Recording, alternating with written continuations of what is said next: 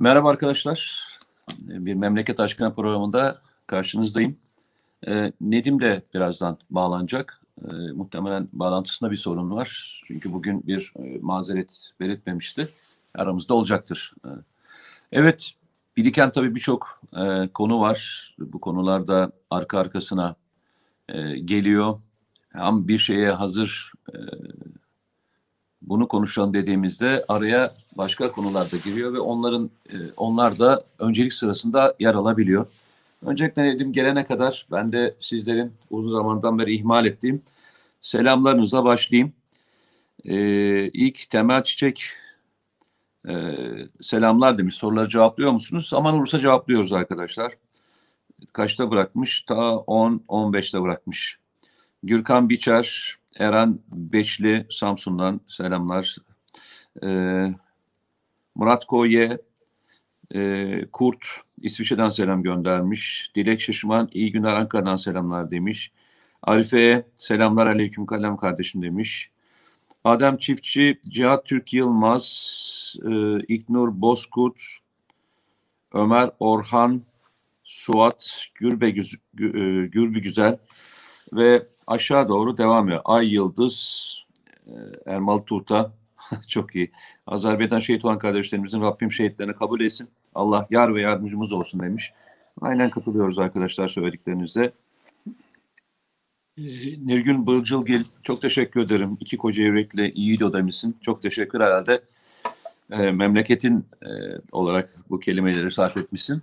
Bu arada Nedim Bey de aramıza geldi. Yine telefonu dikine gelmiyor galiba. Böyle tuttuğuna Ben- göre telefonu. Evet bir, ya bir telefonda bir ayarsızlık var. Onu Abi düzenli ya e, anlayamadım. e, oralarda telefoncu yok mu? Götüreceğim. Ay, şeyden dolayı biraz mesafe e, var. O yüzden götüreceğim. Yani bir hani- haftadan beri gerçekten telefonunu böyle mi kullanıyorsun yani? Evet evet Çok maalesef. tebrik ediyorum seni. Ya o bir Var- Cem söyledi ya bir düğme var ona basacaksın falan. A, telefonda bir arıza da olabilir bilmiyorum. Belki o şeyi ben beceremiyorum ama aşacağım yani onu. Ee, Şey inşallah biz de biz de onu göreceğiz. Ee, değiştireyim mi inşallah şeyi? 2023 e, seçimlerden önce görürüz diye düşünüyorum. Seçim Peki. bile hall, seçim hallolur ama benim teknolojiyle şey imtihanım bitmez. Yo yo senin bitmiyor. Bizim seninle hiç bitmiyor bu şey. Evet. Peki. Arkadaşlar e, Nedim de geldi. Ben bu arada e, arkadaşların selamlarını okuyordum. Sağ olun. E, sen bugün bir yazı yazdın. E, Evet, evet. Aslında seni de ilgilendiren bir yazıydı bu. Değil mi? Tabii tabii Türkiye'yi ilgilendiriyor Mete. Tutukla hay hay şöyle. Sen tutuklandığın dönemde e, Tabii. ve söylemleri de içinde barındıran Tabii bir aynen. aynen. şeydi değil mi? Evet, İstersen evet. onunla başlayalım çünkü o konu Başlayalım. öbür konuyla ilişkili. Oradan da e, diğer konulara da geçebiliriz. Buyurun. Ya e, şimdi yazından başlayalım. Mete ben farkındaysan sokakta, pazarda yıllardan beri hep şununla karşılaşırım. Ee, FETÖ'nün kumpası sırasında gerçekten benim Ergenekoncu olduğumu ve gerçekten bir terörist olduğumu düşünen, öyle zanneden çok insan vardı. E, küfreden çok insan vardı o tarihte de. Ve bunların içinde en çok da şey, e, AKP'liler vardı. Tamam mı? Şimdi 15 tabii yıllarca anlatmaya çalıştık kötülüklerini FETÖ'nün. Gün geldi onlara işbirliği yaptı. Onlara bu iş sarınca ne kadar kötü olduklarını anladılar. 15 Temmuz darbesi artık e, her şeyi gösteren bir şeydi, ölçüydü yani olaydı. Ee, ve ben nerede beni gören olsa işte hakkını helal et. İşte biz seni te- terörist zannediyorduk. Yok biz şöyle zannediyorduk falan diye bir sürü insan var. Bir sürü insanla şey yaptım ki ya lütfen hani böyle gelmeyin benim karşıma. Ben sizi tanımıyorum. Ee, sizin ben benim sizde bir hakkım falan yok. Ben sadece Hrant Dink diye bir masum bir adam vardı. Bunu öldürdüler FETÖ'cüler. Ben de onu yazdım. Bunun e, bir operasyona kurban gideceğimizi zaten biliyorduk. Yazıp çiziyorduk. Onu da okumamışlar zaten. Ben sizin için yapmadım. Hakikat için yaptım. Yani ne yazdıysam, ne, ne ettiysem hakikat için yazdım. Ha, 15 Temmuz'da beraber kavga ettik. O ayrı bir şey falan. Ya işte onu onun hatırına. Şimdi ve ben yıllardan beri, yıllardan beri Fethullahçı terör örgütü gibi büyük bir tehlike, içimizdeki bir tehlike. Bak PKK için bile bu kadarını söyleyemiyorum. Onun da iç bağlantıları çok güçlü. Ama sana bana benzeyen, sıradan insan, muhafazakara, milliyetçiye benzeyen bir bir Fethullahçı terör örgütü. Dünyada benzer, eşi benzeri olmayan. Eşi benzeri olmayan sıradan öğretmen dediğin adam mahrem imam çıkıyor. Senin haberin bile yok. Ya Pensilvanya'ya kadar götürdüğü Biraz olay- gelelim mi? Şey, Geliyorum. Şimdi bak ben hiç bunları yaparken Mete geçmişte dönük kimseyle hesaplaşma içine girmedim. Çünkü önümüzde ve bugünü karartan ve geleceği karartan bir tehlike vardı. O yüzden de ya susmaları en azından ona dönmemeleri yani o güne dönmemeleri veya susmaları bile bir şeydi benim için tamam mı? Beraber olmak için yeterli. Dönüp de siz şunu söylediniz bunu söylediniz onların üzerine tepinmek hiç istemedim. Birazcık utanma duygusu. Bırak birazcık utanma duygusu sadece. Beklediğim bu kadar. Şimdi Ali Babacan o tarihlerde hani Cumhurbaşkanı Erdoğan'ın adaylık sürecinde e, aslında Abdullah Gül'ün adaylığı için çalışmış, imza verdiği halde ve orayı nasıl tarif ediyordu? Olayın tam göbeğindeydim ama görünme, görünmezdim falan diye. 2010 yılında İzmir'de tarihin, dünya tarihinin gelmiş geçmiş en büyük, en kalabalık casusluk örgütü davası görüldü. Bizim Fe- e, Coşkun Başbuğ'un da içinde yer Coşkun aldı. Baş, Coşkun Baş bu lider bir de yani askeri kanatta lider. Evet. Gariban, zavallı e, şey e, kadınlar bulunmuş, sokağa düşmüş, zor durumdaki kadınlar da bulunmuş, dosyalara eklenmiş. Onların konuşmalarıyla olaya fuhuş şeyi de verilmiş ve FETÖ'cülerin kamu bürokrasisinde istemediği ne kadar sivil asker bürokrat varsa isimlerini yazmışlar Mete. Karşılarına da işte yani söylemeye bile şey yapıyor. Ahlaki zafiyetlerini sıralamışlar. Ve bunların bu zafiyetlerinin kullanan bahsedilen fuhuş örgütü onlardan bilgiler sızdırmış, yabancı ülkelere satmışlar. Ki Böyle bir dosyanın büyüklüğüne baktığında e, binlerce kişi. tabii. Sonunda Bir Mete kişi de değil. Evet. Şöyle oluyor. Bu bu komplo FETÖ'cüler tarafından kuruluyor. FETÖ'cü savcı tarafından yürütülüyor ve savcı bütün bu kamu bürokrasisinden atılmasını istedikleri binlerce bürokratla ilgili girişimlerde bulunuyor. Hazineye gidiyor. Hazinenin e, sorumlusu İbrahim Çanakçı bugün Deva Partisi'nin e, genel başkan yardımcısı. Merkez Bankası ile başkanıyla falan toplantı yapıyor. Diyor ki sizin şu şu bürokratlarınız kadınlarla ilişkili şöyle konuşmaları var. Bunları da o kadınlar kullanıyor. Üzerlerinden bilgiler sızdırıyor. Ne o mesela sızdırdı? Örneğin şeyin e, BDDK'nın 2009 yılı faaliyet raporu. Ya internet sitesinde duruyor ama buna gizli rapor diye isim takıp oradaki adamı yemek için bu kumpası kurdular. Ve sonunda 850 civarında şey bürokrat oradan oraya kaydırıldı. Bak adam ne yaptı FETÖ'cü savcı? Bunların bir kısmını görevden aldıramayınca içinde MİT, Başbakanlık, Diyanet personeli var, SGK var, SPK var. Bir tek bir tek o zamanın bakanı Ali Babacan, ekonomi sorumlu bakan Hazine ve Merkez Bankası'ndaki o kumpasla tasfiye edilmek istenen bürokratları yedi. O günlerde hiç masumiyet karinesi aklına gelmedi. Yani durun bakalım haklarında iftira atılan bu adamlar ajan diye suçlanıyorsa bir mahkemede yargılansınlar veya mahkeme e, savcılık ne karar verecek onu bir bekleyelim demedi. Masumiyet karinesinden hiç bahsetmedi. Yüzlerce bürokratı Ali Babacan'ın imzasıyla yendi bitti. Hayatları karardı. Şerefleri lekelendi. Niye? Çünkü Allah korusun porno izliyor, yok kadınlarla şöyle yapıyor, çocuk şeyleri suistimali yapıyor gibi fişlemeler önlerine kondu.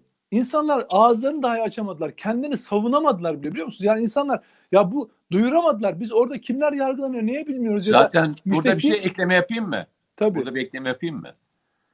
Ee, kara propagandanın en önemli özelliklerinden bir tanesi e, kendini savunamayacak suçlamalarla getirmektir. Bunlar nedir? İşte Allah göstermesin dediğin gibi Tabii. insanların en fazla uzak durmaya çalıştığı Evet, o evet. tür olaylardır. Onu koyarsın ki hem itibarını aşağı çekersin hem de kendini çıkıp savunama. Ne diyeceksin? Ben bunları yapmadım mı diyeceksin. Ya bunun savunması olur. Şimdi şöyle düşünsene. Namuslu bir kadın çıkıp ben iffetsiz değil miyim mi diyecek. Ve Yani bunu mu o da- açıklaması yapacak? Bununla ilgili mücadele yapacak. Ya, ne Ya- yapıyorsun? Hukuken mücadele yapıyorsun. Zaten e, alan at, at- alanda Üsküdar'ı çoktan geçmiş oluyor. Sen yerle bir ekta, eksan olduktan sonra. FETÖ'nün en büyük taktiğidir bu. Yıllardan Tabii. beri tabii. hep aynı şeyi yaptı. FETÖ'nün taktiği midir? Yok. İstihbarat e, CIA'nin en çok kullandığı taktiktir biliyorsun.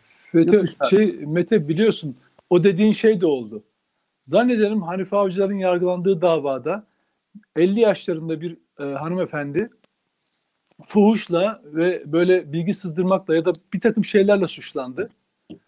Ve o kadın duruşmalar boyunca bunu yapmadığını anlatmaya çalıştı. Hayır sen fuhuş yapıyorsun, şöyle yapıyorsun. Ve kadın hastaneden bekaret raporu getirip mahkeme heyetine gizlice onu verdi biliyor musun? Öyle beraat edebildi. Bak bu FETÖ'cüler var ya öyle namussuz, öyle şerefsiz, öyle alçaklardır ki bizi izleyenler bunu haberdar bile değillerdir biliyor musunuz? O kadın 50 yaşından sonra gidip bekaret raporu alıp hasta, şey he, hakime sessizce kürsünün önüne gidip e, hakim bey bakın böyle bir rapor aldım ben e, fahişe değilim demek zorunda kaldı. Bunu yaptı FETÖ'cüler. Bak böyle alçak böyle namussuzlar. İşte Ali Babacan var ya o Ali Babacan bugün Metin Gürcan isimli siyasi casustan tutan elemanı için ne diyor? Masumiyet karnesi var diyor. Hukuken yanındayız diyor. Be vicdansız. Be vicdansız. Senin imzanla yüzlerce bürokrat, hazine bürokratı, Merkez Bankası bürokratı tasfiye edildi ya. Karılarının yüzüne bakamayacak hale geldi bu insanlar. Çünkü ihraç edildi. Bunlar e, yerleri değiştirildi. O namussuz FETÖ'cüler bunların çoluğuna çocuğuna iftira attılar. Ve sonunda 15 Temmuz darbe girişimiyle ilgili komisyona gelen bilgilere göre bu sadece İzmir as askeri casusluk davasında 3100 kişi mağdur oldu.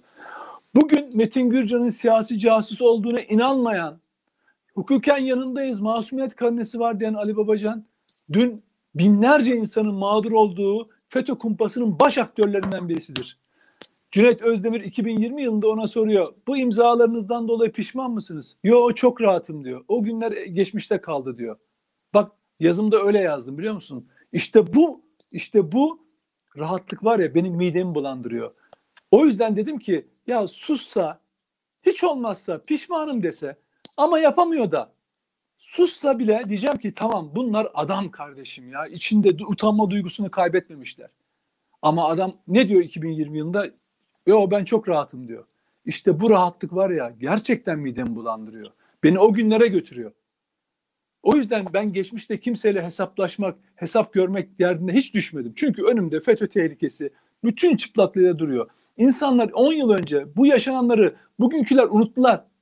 Bugün bizi izleyenler bilmiyorlar, unuttular. Bir 50 yaşındaki kadın bakire ya kendi, öyle yaşamış. Ve bu kadını fuhuşla suçladılar ve bu kadın mahkeme heyetine o raporu götürmek 50 yaşından sonra Ya, bekar e, hatırlar mısın? kaldı ya. Ee, Ya bunlar şey, yaşandı bu ülkede arkadaşlar. şey, ve siz e, siz FETÖ'nün bak ben bak kızıyorum. müsaade et, müsaade et. Bir nefes al. Allah rızası için bir nefes al. Kaptırıyorsun yine her defasında gelip gidiyorsun. Ya bir hocam nefes. Mete Dur. bak şundan bir dakika, kızıyorum. dur, Yok çok dakika, dur, kızıyorum. bir şey Gerçekten söyleyeceğim çok abi ya. kızıyorum. Dur bir dakika dur. Dur. Zaten kaç dakika oldu ben sana söyleyeyim yani. 13 dakika oldu. dur bir nefes al bir su iç. Tamam, Hatırlıyor peki. musun? Senin şeyine verdiğin örneği kuvvetlendirmek adına söyleyeceğim. Coşkun Baş bu o dönemde e, işte bu örgütün lideri olarak suçlandığı dönemde ki Coşkun da en uzun yatanlardan bir tanesi Coşkun Tabii, Baş tabii. E, Albay. Tabii 3 yıl, dört 3 yıla yıl yakın civarı. yattı. Tabii tabii. Ki asker e, sivil olduğu için de yani emekli olduğu için de sivil cezaevinde. İzmir'deki sanırım bu ce- cezaevinde yatıyor galiba. F tipi cezaevinde yatıyor galiba. Ve e, keşke anılarını yazsa da hep beraber okusak. E, ben diyor örgüt lideriyle tutukla, e, olarak tutuklandım. Kimseyi tanımıyorum diyor. Yani sonuçta bir gün diyor bizi beraber getirdiler diyor hatırlıyorsa Tabii tabii. Şeylerden bir tanesi, e, olaylardan bir tanesi şu. Senin söylediğin gibi bir tane kadın bu işleri kurgulayan, e, flash diskle e, işte bulan, bunları bilgisayar üzerinden yazıp talimatlar veren bir kadın e, var şeyde. Yani suçlananlardan bir tanesi o. Bu işin lideri. Görünüyor. Ha. Neyse şey zamanı geliyor. İşte herkes ilk savunmasını yaptığı zaman geliyor. Ee, kadına işte flash sticks falan diyor diyor ki nedir o? Ya işte diyor işte bilgisayar e, diyor e, ya özür dilerim ama diyor benim okuma yazmam yok diyor. Tabii. Benim okuma yazmam yok yani Tabii. ne bilgisayarı ne e, flash disk ben okuma yazma bilmiyorum diyor. Tabii. Diyor ki şey Coşkun öyle Coşkun Başbuğ Bey böyle demişti. Biz bir daha kadını görmedik diyor. Dava dosyasından çıkartıldı diyor. Ya Evet. düşünebiliyor musun? Tabii. Bütün her şeyi organize eden, talimatlar veren, yazılar yapan, flash disk üzerine yapan kadını diyor. Tabii. Yani okuma yazma bilmeyen kadın Ertesi gün bir daha görmedik diyor. Yani yok oldu diyor. Bir daha kadın Evet. hiçbir duruşmada yok diyor. Şimdi senin hikayenin benzeri onlarca hikayeyi Çok. bu dosyaların içerisinde birisi keşke alsa da zamanı olsa da birisi şu işin e, garabetlerinin ne olduğunu dökse. Abi kimin Tamam umurunda? Abi kimin umurunda? Bak Hayır, Allah niye aşkına umurunda bak, olduğunu söyleyeyim bak. biliyor musun? Neden umurunda Bak. olduğunu söylüyorum. ben sana söyleyeyim hocam. Bak bir örnek vereceğim. Bir örnek vereceğim. FETÖ şöyle FETÖ böyle fe- kö- kötü anlattık değil mi? Ya Hı hı. yine örnek veriyorum. Gözümüzün önünde ya. Gözümüzün önünde Bülent Arınç'ın FETÖ'cü damadı bağırta bağırta, hukuk bağırtıla bağırtıla böyle boğazı sıkıla sıkıla beraat ettiriliyor. Var mı hükümet tarafından bir şey tepki? Yok. Kimin umurunda abi? Şehitler olmuş. Kimin umurunda abi? Gaziler olmuş. Kimin umurunda abi? 2010 yılında bunlar bunlar olmuş. Zavallı pavyonda çalışan okuma yazması bile olmayan kadınlara bile kumpas kurmuş bu alçaklar. 50 yaşındaki kadın fahiş olmadığını anlatmak için bekaret raporu almak zorunda kalmış. Bunlar kimin umurunda ya? Senin benim yaşadıklarım kimin umurunda Mete? Allah aşkına izleyenlerin ne kadar umurunda kardeşim ya? Ne Ee, kadar umurunda? umurunda e, bu toplum e, Yok abi. toplum bu toplum umurunda abicim. Sonuçta sokağa çıktığında umurunda olup olmadığını sen birebir yüzüne karşı söylüyorlar senin. Vatandaşın E, evet. O sokaktaki e, garip kuraba için e, çıktığında mutlu ediyorsun. Sen mutlu oluyorsun. Onun e, şeyini görüyorsun. E, yüzünü, su hürmetini görüyorsun. E, yani o zaman memlekette bu kafayla hani bu hani inançla gidersek o zaman vatanı da savunmayalım. Askere de gitmeyelim. Şeyi de Bak şöyle- yapmayalım. Hani Yok, kimin umurunda, e, kimsenin umurunda değil. Bir Şöyle şeyler bir şey olabilir mi? sen- Tabii. hani sana senin ağzından duymak duymayalım biz bunları. Başkası söylesin Ya, ama senin evet, ağzından evet, duymayalım. işte ben de ona o, yani doluyor, doluyor, doluyor kardeşim. Yok abi, doluyor. yok. Ee, Haklısın. doluyor. Bu iş doluyor. hep söylediğin şeylerden bir Doluyor. tanesi. Peki Doluyor. gelelim şeye. Ya çok ilginçtir. Şimdi tabii ben hala şunu seninle aynı yerdeyim. Ben herkesin masumat, masumiyet karinesinin olduğunu inancındayım. Doğru mu? Ben hala her şeyin iddia olduğunu söylerim. E, bu da bir prensip. E, hayatım boyunca da hiç değişmedi bu. Bu prensip hiç değişmedi. Ama bu e, dava dosyasının içindekileri tartışılmayacak anlamına gelmiyor değil mi? Tabii. Yani böyle bir şey yok. Tabii. Zaten e, televizyonlarda e, ve gazetelerde bol miktarda şeyler yayınlandı. ifadeler yayınlandı. Haber yapıldı. Hatta görüntüler paylaşıldı. Doğru mu? Onlar da doğru. Doğru. Doğru. Mesela ben arkadaşlara şunu sormak isterim. Ya bu ülkenin binlerce askere casusluk davasından tutuklandığında hiç bu kadar sesinizi yükselttiniz mi? Mesela itirazınız böyle oldu mu mesela? Yok. Yani mesela bazı arkadaşları takip ediyorum şu anda. Yani mesela hiç kimse bu kadar sesini yükseltmemişti askeri casusla ilgili. Böyle Tabii. e, olayları hiç hatırlamıyorum. Peki Abi- ben şöyle sorayım. Peki dava dosyasının içerisinde size de yanlış gelen, size de ya burada bir mantık hatası var dediğiniz bir şey var mı? Veya şöyle söyleyeyim. Ee, şu anda sanık pozisyonda gözüken malum şahıs e, bunlara itiraz ediyor mu? Bunlarla ilgili ben bunları yapmadım.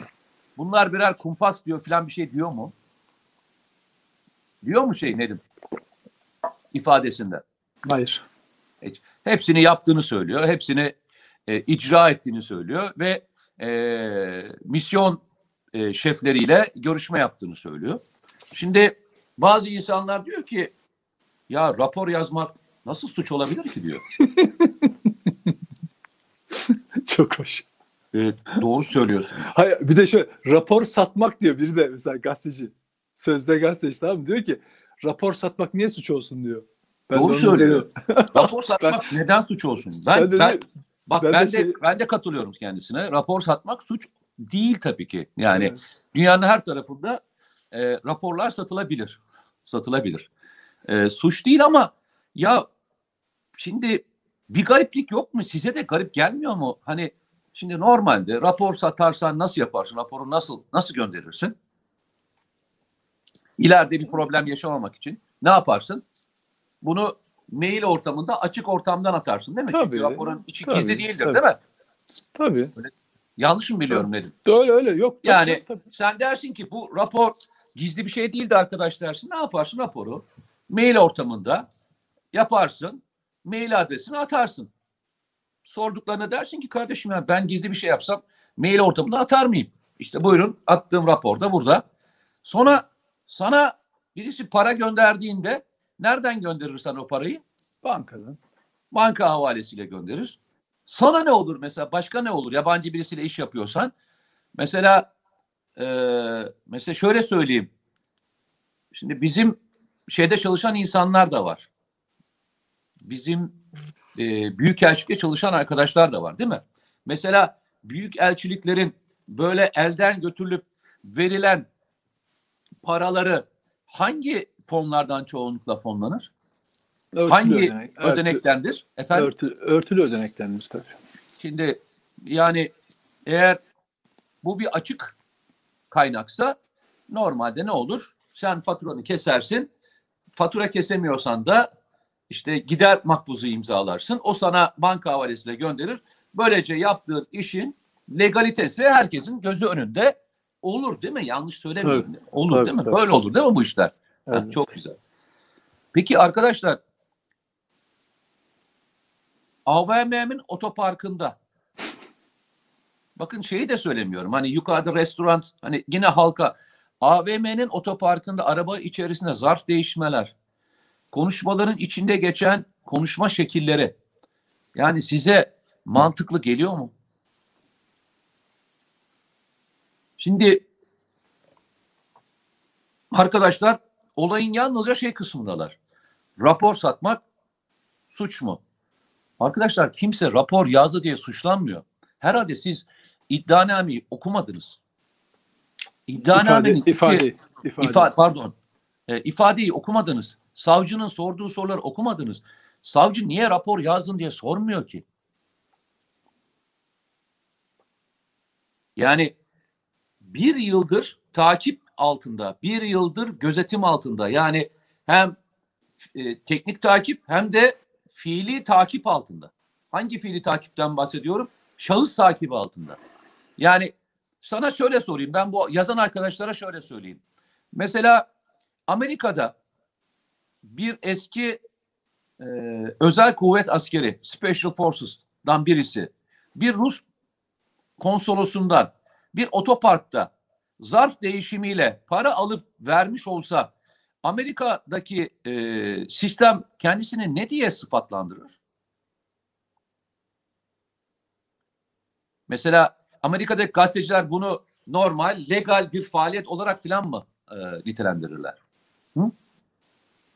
Ben soruyorum yani çünkü bunu yazan arkadaşların tamamı Amerika görmüş arkadaşlar.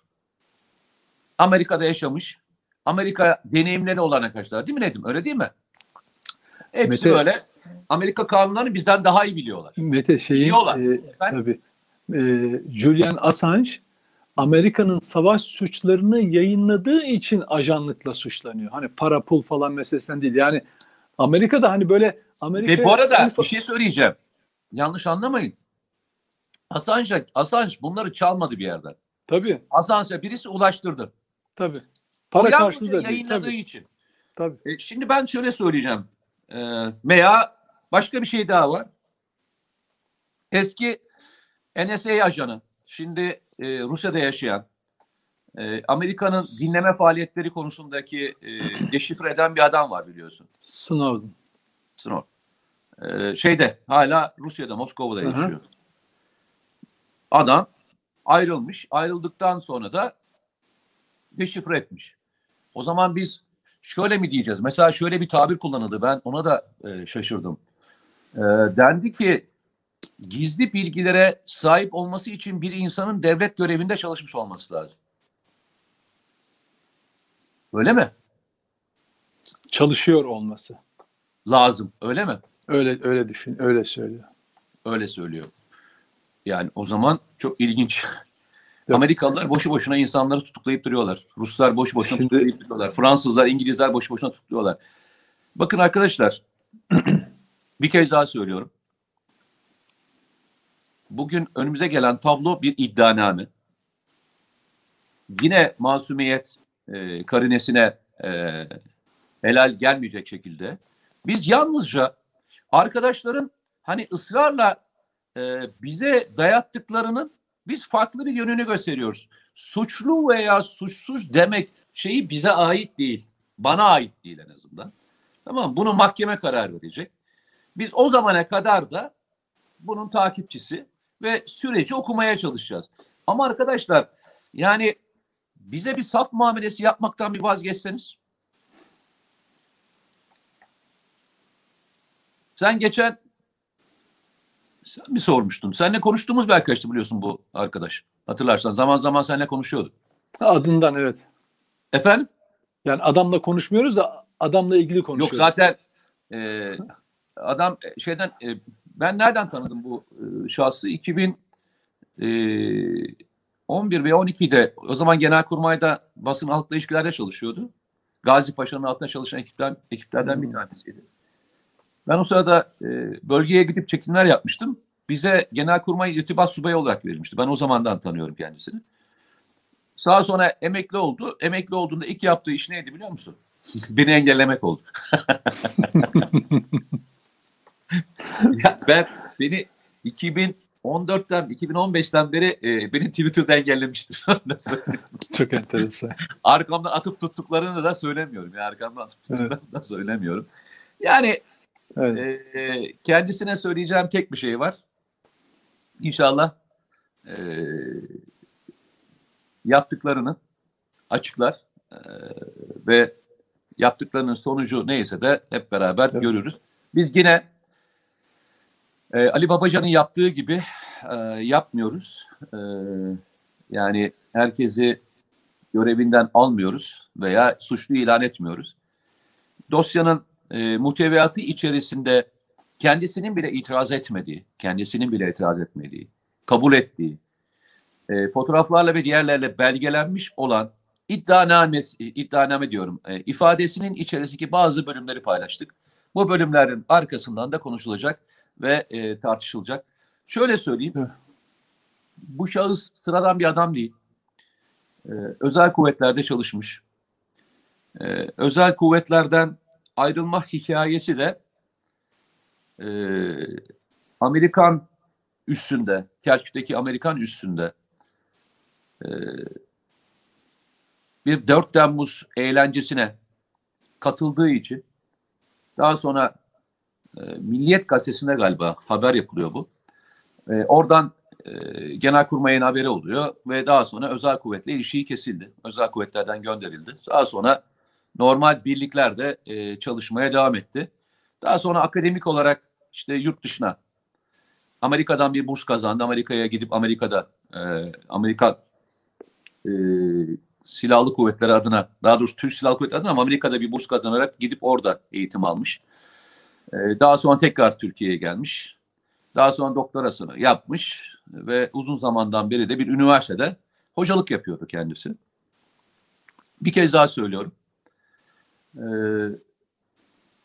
işin istihbarat kısmını bilmemesi gibi bir durum olamaz. Yani e, özel kuvvetlerde öğretilenlerden, özel kuvvetlerde aldığı eğitimler e, kendisine bir ne diyeyim sana kapalı bir otoparkta bir yabancı misyon şefiyle buluşmaması gerektiğini e, bilecek kadar birçok şey öğretilmiştir kendisine. Birçok şey öğretilmiştir. E, yani bunları bilmeyecek, bunlar bunların daha sonra kendisinin önüne geldiğinde problem yaratmayacağını bilmiyor olmuş olması mümkün değil arkadaşlar. Yani bu kadar da e, bizleri de hani saf yerine koymayın. E, Türkiye'de gazetecilerin büyükelçiliklere girip çıktığını biliyoruz. Bir süre girip çıkan bir sürü insan var. E, konsoloslara giden, çıkan, orada sohbetler eden insanlar var. Ama her biri giriş çıkışta kaydını tutturarak içeri girip çıkıyor. E, bu insanlarla ilgili Türkiye'de bir casusluk davası açılmıyor. Bu insanlarla ilgili e, niye Amerikan Büyükelçiliğine, niye İtalyan Büyükelçiliğine, niye İspanya Büyükelçiliğine giriyorsun geliyorsun gibi bir mevzu da e, söylenmiyor. E, ama bir yıldan beri takibin sonucunda oluşan bir tablo açıkçası memleketim için iyi bir tablo değil. Ee, bu tablonun ortaya koyan, bu araştırmayı yapan ve bu bilgileri elde eden ve bir senedir sabırla takip eden ekibi de tebrik ediyorum. İnşallah hukuki e, neticesi neyse adil bir şekilde e, kendisi de karşılaşır. Bu masumiyetse masumiyet, ceza ise ceza. Ona da biz girmeyelim, ona da biz e, şey yapmayalım. Bu konuyla ilgili söylemek istediğim bir şey var mı? Tabii, tabii. Şöyle, e, şimdi ifadesini okuduğunuz zaman gazetecilerin elinde var ifade. E, bir, e, dedin ya hani e, özel kuvvetlerde çalışmış bir kişinin kimlerle buluşup buluşmayacağı konusunda da eğitimi vardır. Genel olarak da yabancı misyon şefleriyle bir araya geldiğiniz zaman sohbet edebilirsiniz, etmişsinizdir. Ama oturup size masanın altında, e, evrakların altına bir zarf koyuyorsa ya da arabada bir zarf veriyorsa ve bunlar da hep görüntüleniyorsa insanlar şunu sormalı. Sadece bir rapor yazmak, gündeme ilişkin bir çizelge hazırlamak mıdır acaba verilen şey, yapılan hizmet? Çünkü e, Amerika, İspanya, şöyle düşün, İspanya Büyükelçi diyor ki mesela şöyle savunuyor. İspanya'nın Suriye'de elçiliği yok, Türkiye üzerinden e, şeylerini yürütüyor. Yani Ankara üzerinden oraya bakışı var diyor. Yani onlar da Suriye'deki gelişmeleri Metin Gürcan üzerinden öğreniyorlar. Düşünebiliyor musun? Şimdi, Bunu yiyen kim? Bunu söyleyen Met, şey Metin Gürcan ifadesinde öyle anlatıyor. Yani Türkiye üzerinden Suriye okuması yapıyorlar. Suriye'yi anlamaya yani orada şöyle mi, yok. şöyle mi şöyle mi düşüneceğiz? Hani şöyle mi anlayacağız? İspanya NATO ülkesi değil. Aynen. Çok tabii ha. şeyde kutuplarda falan penguenlerin yaşadığı bir yer herhalde. Dünyadan hmm. bir habersiz. İspanya'da gazeteci yok, büyükelçi yok. Şeyin e, Suriye'nin etrafındaki e, ülkelerde hiç elçilikleri falan yok. Metin Gürcan'a ihtiyacı kalmış İspanya'nın. Suriye'deki gelişmeleri okumak için ona bir rapor ya, ona rapor. Ve diyor şöyle anlatıyor. Ben diyor iç iç siyaset falan konuşmuyorum Türkiye ile ilgili. Ee, işte Suriye, Libya, Kafkaslar falanla ilgili çizelgeler hazırlıyorum. O çizelgeler neyse artık. Böyle çizelgeler diyerek hafifletiyor olayı. Rapor falan dese mesela kavram bile dikkatli kullanıyor. Bunu deyince diyorlar ki e, peki tapeleri dinleyelim. Tapeleri dinliyorlar. Erdoğan nasıl gider? Bahçeli ne zaman ne der? E, Kıbrıs nasıl olur? Ülke içindeki koalisyonlar nasıl olur? Bütün elçi tapelerde de yani hani verdiği raporlarda ne olduğunu bilmiyoruz. Onları söylemiyor. Çizelgeler deyip geçiştiriyor. Ama tapelerde ya memleketin içini dışını altını üstüne getirmiş. Onu görünce ha bunlar benim genel şey, açık kaynaklardan değerlendirmeler. Peki nasıl elde ediyorsun bunu? Bir de gazetecinin ismini vermiş. Şu şu gazetecilerle konuşuyoruz. Şunlardan bilgi alıyorum, bilmem ne yapıyorum falan filan. De onlar da bir güzel yani ne diyelim satmış mı diyelim ne yapalım. Öyle, isimlerini de vermiş. Hangi gazetecilerle nasıl ilişkiler olduğunu falan filan. Yani onlar hiç girmiyor kimse farkındaysan. Neyse. Şimdi adam önce e, şeyi ilk ifadesinin başında şey anlatıyor. E, ben diyor raporlar hazırlıyorum. İşte 400 e, dolar alıyorum falan gibi böyle bir şey. Fakat sarı zarf içinde otoparkta falan hiç onlardan bahsetmiyor. Görüntüler ortaya konunca aa diyor mesela otoparkta niye buluştunuz? İşte AVM'deydim çıkıyordum işte otoparka geldi pandemi koşullarından dolayı biz arabanın içinde görüştük yarım saat. Yahu ya adamda korona varsa yani İtalyan elçiliğinden adam arabada yarım saat sohbet ediyorsun. Ya korona onda varsa hiç düşünmedin mi? Ağza ağza ya da AVM'de ya da kafede işte hep otoparkları korona şey pandemi vardı onun için falan filan diyor. Bak şimdi mesele şu. Gizli burada o Deva'nın bir tane genel başkan yardımcısı var Yenerol diye. Gizli bilgi temin ettiğine dair bir delil yok diyor. Peki İspanyol Büyükelçi işte hatta 6 aylık peşin ödemeler var tamam mı? Büyükelçideki istihbaratçılar. Sadece bana Suriye ile ilgili genel bir yorum yap, açık kaynaklardan falan filan bilgi derle diye sana yüzlerce hatta binlerce dolar para verir mi? Ya da yani adam gazete okumayı bilmiyor mu? İnternet sitelerinde yazılanları bilmiyor mu? Makaleleri okumayı bilmiyorlar mı? Yani şöyle bir şey. Devlet hangi gizli bilgiyi verdiğini bu dosyayı dört yıldan beri, bir yıldan beri diyoruz hukuken belli bir e, Ankara Cumhuriyet Savcılığı tarafından evet, bir şey söyleyeceğim. Burada şey bir var. ekleme yapayım. Bu olay Tabii bir ekleme söyleyeyim. yapayım. Bu bu dört yıldan beri süren MIT'in takibinde olan bir konu zaten. Yani bir bir de şu var. Dosyanın ne kadar genişleyeceği konusunda biraz beklemekte fayda var. Ben yani aynen tam söyleyeceğim konu bak tam söyleyeceğim konu oydu. Arkadaşlar e, bu tip dosyalarda e, bütün evrak konmaz çünkü yan bağlar varsa onlar da kaydedilmişse onlar kenara alınmıştır şu anda. Onun takibi devam ediyordur. Tabii. Yani bunun tek başına bir olay olduğunu ben düşünmüyorum. Bu çorap söküğü gibi gelecektir bak söyleyeyim sana. tabii tabii. Yani eee, bu bunun arkasının tek tek kişilik bir olay olduğunu düşünüyorsa birileri yani ben ben Evet. büyük bir yanılgı içinde olduklarını düşünürüm. Söylerim Evet. de. Tabii. E, çünkü bunun muhtemelen telefon da dinlendi. Tabii tabii. Zaten e, Yani hayır e, telefon da dinlenmiştir. evet Diğer ifadesinde var. bağlantılar çünkü Evet, e, evet. fiziki takip yapıldığına göre e, ensesindelerdi. Yani çok uzun bir zamandan beri Hmm. ensesindelerdi. Tabii. Ve bütün şemayı çıkartmak için bu kadar beklediklerini düşünüyorum ben e, Nedim. Daha şey dosyada Bak söyleyeyim gizli, sana. Dosyada gizli kararı olması bundan dolayı zaten. Bak Yani sana dosya- tek bir şey söyleyeceğim. Ee, bu tip yapılarda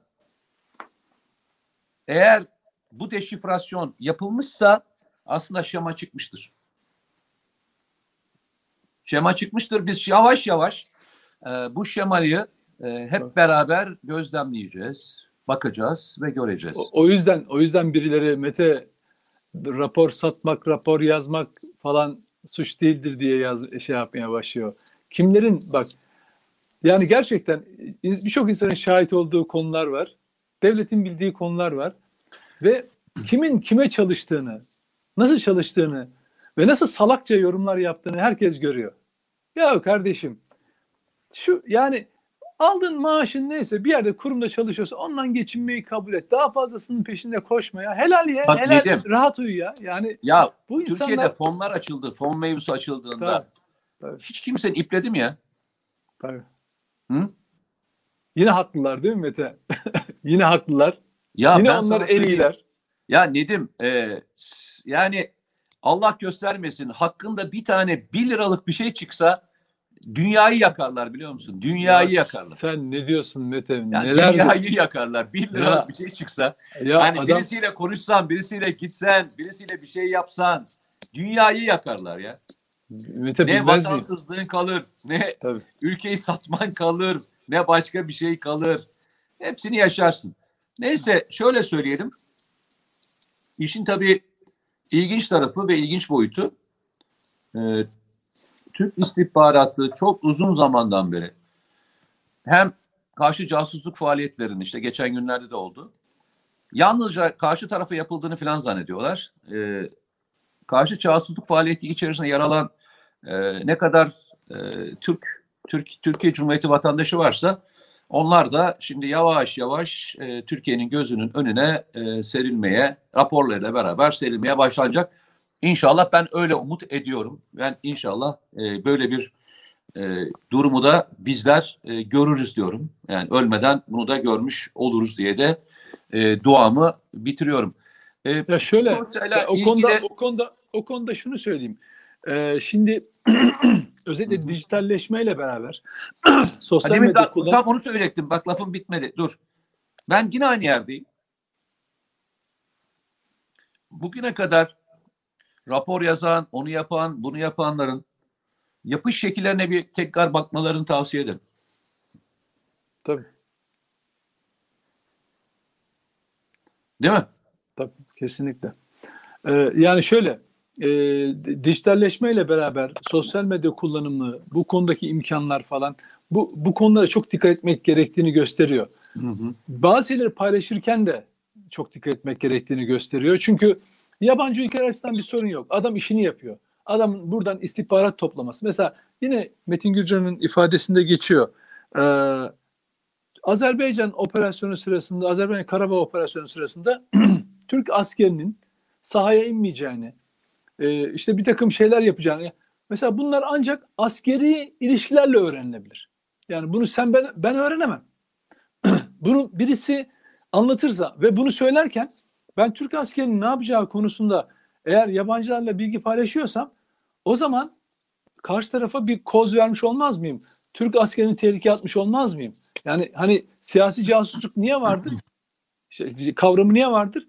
Bundan dolayı. Dolayısıyla hani bugün birçok konuda mesela gazeteciler gerçekten çok dikkat etmeleri lazım. Yani bilgiyi alırken mesela bir devlet sırrını, gizli bilgiyi deşifre etmenin suç olduğu kanunlarda yazılı. Ama yabancı ülkelerin elçilik elçileri birçok insanı birçok yerlere davet ediyorlar.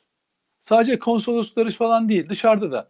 Ve bunlar bu devletin dikkatinden kaçmaz. Zaten öyle ki takip ederken mesela Metin Gürcan olayında da öyle Mete e, şey kameraları nedir o? İş yeri kameraları dahi devletin bu konudaki bilgi alması için son derece kullanışlı şey e, malzemeler. Dolayısıyla hani bu işleri yapmamaları gerekiyor. Bu işlere girmiş olanlar bu işlerden kaçınmaları gerekiyor. Öyle Biden'a, AB'cilere falan güvenip gazetecilik yapmayacaksınız. Kendi ülkenizde hani o çok aslan gibi cesur şeyiniz var ya ondan yapacaksın. Ayaklarını bu toprağa basacak o zaman korkmayacaksın. Yoksa böyle şahsiyetini bir sarı zarf içine koyu verirler adamın. Hatırlıyor musun? Türkiye'de rabıta diye e, bir hatta sen de yazdın mı bununla Ulus, ilgili? yo yo hayır uluslararası şey o. Suudi Arabistan'ın e, bir Hayır, şeyi hayır, bir dakika. vakfı. Bir şey, bir şey soracağım. Şimdi rabıtanın Türkiye'de bazı şeyleri fonladığı, bazı şeyleri yaptığı ile ilgili o dönem hatırlarsan şey yazılmıştı ve Türkiye ayağa kalkmıştı. Hatırlıyor musun? Şöyle Uğur Mumcu yazmıştı onu e, ve yurt dışındaki imamların 1980 darbesinden sonrası imamların maaşlarının rabıta tarafından ödendiğine dair. Hayır, daha da ötesi var bunun. Daha da genişi var. Türkiye ayağa kalkmıştı, zıplamıştı. Nasıl dediler? Bunlar bu arada gazeteciler falan da var onun içinde. O kısmını bilmedim. Bir şey hatırlayamadım evet. Gazeteciler var, şeyler var, dernekler var. Bazı de- derneklere aktarılan paralar var. Şimdi ayağa kalktı Türkiye ve o dönemde tartışıldı.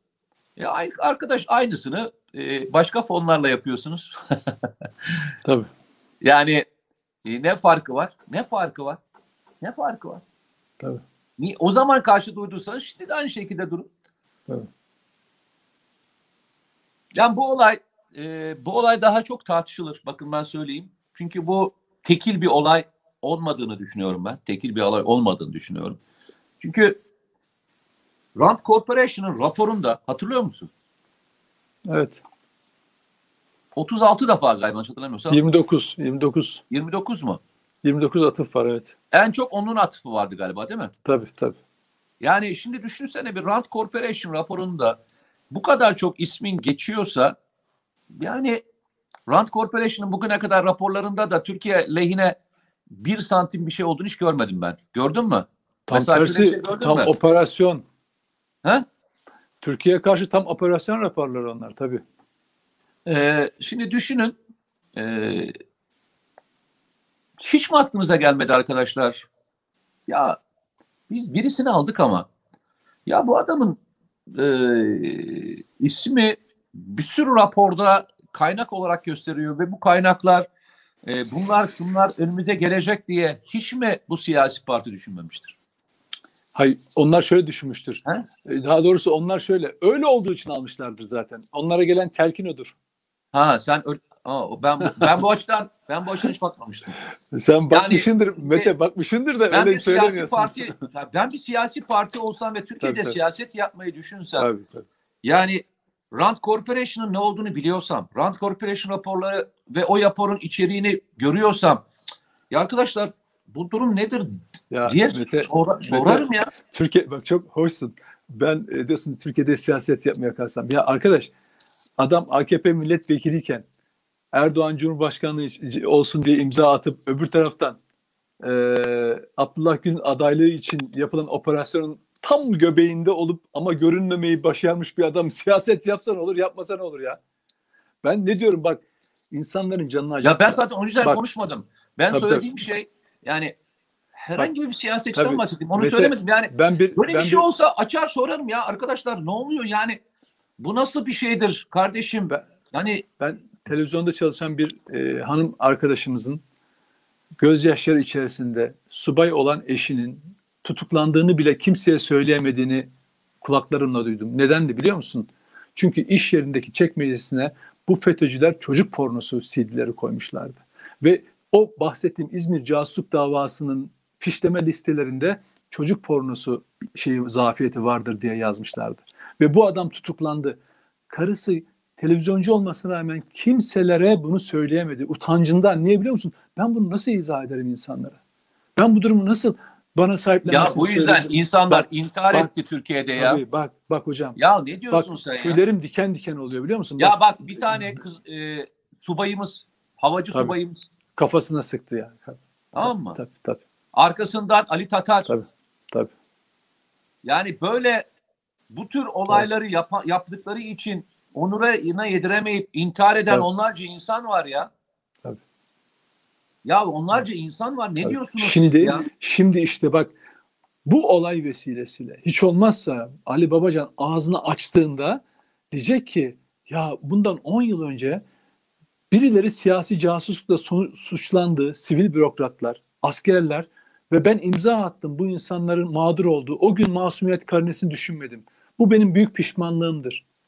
Ama hiç olmazsa bugün Metin Gürcan vesilesiyle ben bunu hatırladım. Hem onlardan özür diliyorum hem de Metin Gürcan için de masumiyet karnesinin esas olduğunu düşünüyorum. O gün yaptığım hatayı bugün yapmamak için o gün yaptıklarından da bugün özür diliyorum falan demesini beklersin. Biz Ama yine arkadaş ama arkadaş adam pişkin pişkin 2000 o şey yerinde ne diyor? Benim içim rahat. 2020 Ya yılında üstadım, Cüneyt Özdemir'e söylemiş. evet, evet. içim rahat diyor. İşte Üstadım, bu benim midemi bak- bulandırıyor Mete. Nedim başka bir ülkede başka bir siyasi partinin içindeyken başka bir kişiye çalıştığını öğrense normalde dünyanın her tarafında bu siyasi hayatı biter insan. Doğru mu? Tabii. Tabii. Yani siyaset yapamazsın. Sen siyasi parti imza attığın bir şeyin aleyhine gidip başka bir yerde çalıştığında ve bunu da açık açık çıkıp televizyonda söylediğinde insanın siyasi hayatı biter ya. Tabii. Siyasi hayatı biter. Tabii. Ee, arkadaşlar diyecek çok şey var da susmayı tercih ediyoruz. Biz onların yapmadığı gibi yine masumiyet karinesine saygı duyup davanın sonucunu bekliyoruz. Anlattıklarımız suçlamak adına değil, bize gelen, yanlış gelen, hani bazılarına doğru gelen gelmiş ya, bize de yanlış gelen yerleri, olmaması gereken yerleri, kafamıza yatmayan yerleri sizinle paylaştık. Sonuçta eee, davanın bir vicdani tarafı, bir akli tarafı, bir de hukuki tarafı var. Üçünde de sizler iki tarafını en azından biz, üçün tarafını hukuk belirleyecektir diyelim. Kendinize iyi bakın. Ee, Allah'a emanet olun. Aklınızı kaybetmeyin. Çünkü bugünlerde bana televizyonda programda seninle beraberdik de hatırlıyor musun? Nedim. Başak bir şey soruyor ben anlamadım diyorum ya Başak Şengül. Hı. Çünkü anlamıyorum. Yani bir gün söylenen şeyi bir gün sonra hayır dendiği bir yerde anlamıyorum. Yani gerçekten anlamıyorum. Hangisini yorum yapacağımı anlamadığım bir dönemden geçiyorum. Hepinize aklı selim, e, aklınızı ve fikrinizi kaybetmediğiniz günler diliyorum arkadaşlar. Kendinize iyi bakın. Kolay gelsin.